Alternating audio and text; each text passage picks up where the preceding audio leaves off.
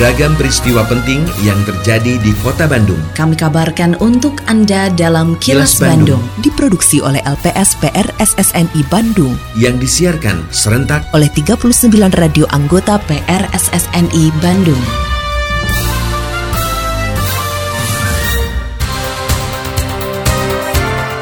Sejumlah informasi aktual kami hadirkan untuk Anda dan inilah informasi utamanya. Banyak pasien di rumah sakit dan pekerja pabrik tidak bisa memilih. KPU berharap tidak ada pemungutan ulang. Bawaslu tangani sisa APK peserta pemilu. Saya Santi Kesari Sumantri, inilah kilas Bandung selengkapnya.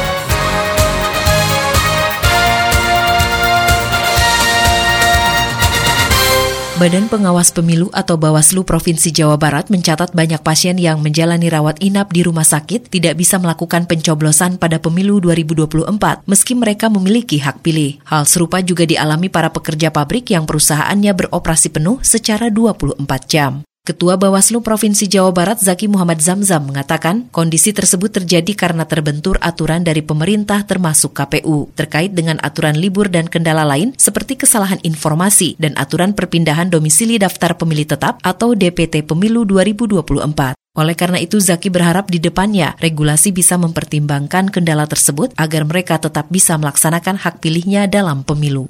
khususnya di lokasi-lokasi yang memang tidak memungkinkan untuk diliburkan gitu.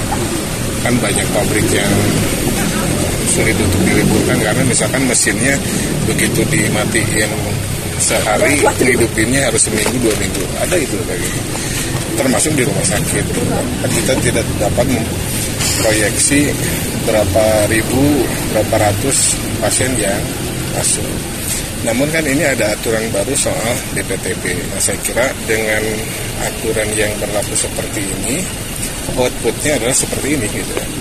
Banyak hak pilih masyarakat Kota Bandung khususnya dan Jawa Barat itu tidak bisa memilih karena kendala tadi. terkait dengan berita sebelumnya. Banyaknya pasien di rumah sakit di Jawa Barat yang tidak bisa menyalurkan hak pilihnya pada pemilu 2024 meski memiliki hak pilih harus menjadi evaluasi dan catatan pelaksanaan pemilu berikutnya. Penjabat Gubernur Jawa Barat Bey Mahmudin menduga kondisi terjadi karena tidak adanya tempat pemungutan suara atau TPS khusus. Bey mengatakan sudah menyampaikan kepada Komisi Pemilihan Umum atau KPU apakah kasus tersebut bisa ditanggulangi dengan pencoblosan susulan dengan tetap mengedepankan legalitas bagi pasien-pasien di rumah sakit. Seperti dilaporkan reporter Agustin Purnawan, Bey berharap terjadinya kasus tersebut bisa menjadi perbaikan untuk pelaksanaan pemilu mendatang. Ini kami sudah melaporkan kepada Ketua KPU. Jadi ada beberapa begitu kami mengetahui bahwa ternyata pasien itu tidak difasilitasi langsung oleh eh, KPU. Jadi KPU itu mengharapkannya pasien menggunakan hak suara untuk kembali dulu ke rumah baru kembali lagi tapi tidak memungkinkan kan apalagi ya pasien namanya dirawat kan harusnya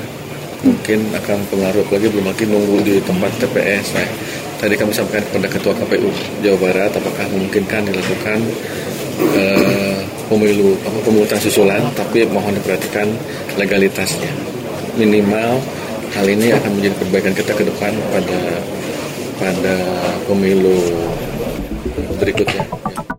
Komisi Pemilihan Umum atau KPU Provinsi Jawa Barat belum bisa memastikan kemungkinan dilakukannya pemungutan ulang menyusul adanya permasalahan di sejumlah tempat pemungutan suara atau TPS. Ketua Divisi Sosialisasi Pendidikan Pemilih dan Partisipasi Masyarakat KPU Jawa Barat, Hedi Ardia, mengatakan pihaknya belum menganggap pemilihan ulang bisa dilakukan meski diakui ada kasus surat suara tertukar di beberapa daerah. Saat ini KPU sedang berkoordinasi dengan Bawaslu Jawa Barat untuk melihat kasus tersebut perlu dilakukan pemungutan suara ulang. Terlebih surat suara yang tertukar sudah dalam kondisi tercoblos. Reporter Suparno Hadisaputro melaporkan, menurut Hedi, pihaknya tidak berharap pemungutan suara ulang dilakukan di TPS wilayah Jawa Barat. Ada informasi seperti itu, tapi kita kan menganggap bahwa PSU itu belum bisa kita lakukan karena permasalahannya kita masih debatable. Contoh misalkan terkait dengan surat suara yang tertukar dapil 1 ke dapil 2 misalkan. Tapi itu sudah tercoblos. Nah, berdasarkan payung hukum yang ada itu kan ada cara penyikapannya gitu. Nah, Bawaslu itu berbeda dalam menafsirkan aturannya. Itu saja gitu. Tinggal kita lihat nanti beberapa hari ke depan apakah kesepahaman itu terjadi atau tidak gitu. Yang mudah-mudahan kita secara institusi berharap jangan sampai ada uh, pemungutan suara ulang.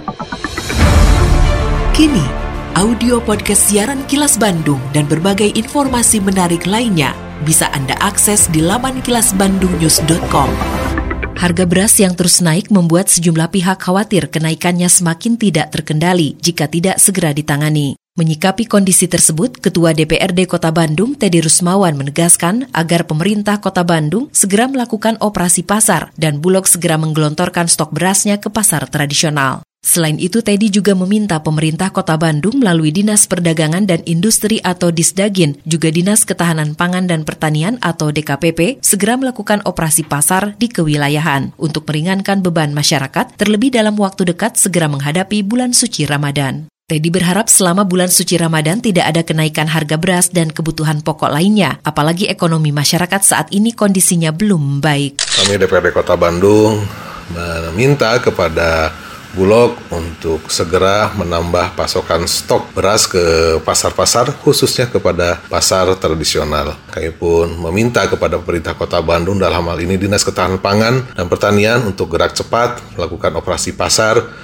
sehingga tidak terjadi kembali kenaikan yang sangat memberatkan kepada masyarakat dan harga bisa dikontrol dengan baik. Terakhir, agar segera dilakukan pasar murah di kecamatan-kecamatan karena masyarakat hari ini sangat mengharapkan bahwa harga beras segera turun dan tidak memberatkan masyarakat terlebih lagi akan menghadapi bulan suci Ramadan. Dan besar harapan di bulan suci Ramadan tidak ada kenaikan harga beras dan harga sembako lainnya karena tentunya kondisi masyarakat hari ini sekali lagi belum dalam kondisi ekonomi yang membaik. Selama masa tenang pemilu 2024, puluhan ribu alat peraga kampanye atau APK yang tersebar di sejumlah kawasan di kota Bandung ditertibkan oleh Badan Pengawas Pemilu atau Bawaslu bersama Satpol PP Kota Bandung. Koordinator Divisi Pencegahan Partisipasi dan Hubungan Masyarakat Bawaslu Kota Bandung, Bayu Muhammad mengatakan penertiban dilakukan terhadap hampir 50 ribu APK berupa spanduk, bendera, baliho, dan umbul-umbul di beberapa ruas jalan Kota Bandung. Reporter Agustin Purnawan melaporkan, menurut Bayu, pihaknya akan mendata terlebih dahulu APK yang sudah ditertibkan sebelum nantinya dimusnahkan, diserahkan kepada yang membutuhkan atau dikembalikan kepada peserta pemilu. Hasil dari inventaris Satpol PP itu disinkronkan dengan hasil inventarisir Bawaslu. Sehingga nanti khususnya untuk APK yang berjenis bendera peserta pemilu yang biasanya nanti bisa digunakan kembali misalnya di tahapan berikutnya ataupun misalnya masuk ke tahapan pilkada itu bisa diambil lagi oleh peserta pemilu dan itu harus dijaga baik-baik untuk APK yang masih bisa digunakan. Namun untuk spanduk banner itu pemusnahannya kemarin kesepakatannya itu H plus 3 setelah pemungutan suara. Kota Cimahi saat ini menjadi salah satu daerah sasaran peredaran narkotika jenis sabu. Hal itu terbukti dengan ditangkapnya tujuh orang pengedar barang haram tersebut oleh Sat Narkoba Polres Cimahi. Kapolres Cimahi AKBP Aldi Subartono mengatakan para tersangka ditangkap di sejumlah tempat berbeda. Dalam menjalankan bisnisnya, selain menggunakan transaksi secara konvensional, para pelaku juga mulai merambah transaksi secara daring melalui media sosial. Reporter Yudi Dirgantara melaporkan, selain menangkap para tersangka, polisi juga berhasil menyita barang bukti narkoba jenis sabu sebanyak 148,96 gram lebih. Tujuh kasus narkotika jenis sabu disita barang bukti sabu-sabu berat 148,96 gram. Ini sebagai pengedar narkotika jenis sabu. Terima kasih Anda telah menyimak Kilas Bandung yang diproduksi oleh LPSPR SSNI Bandung.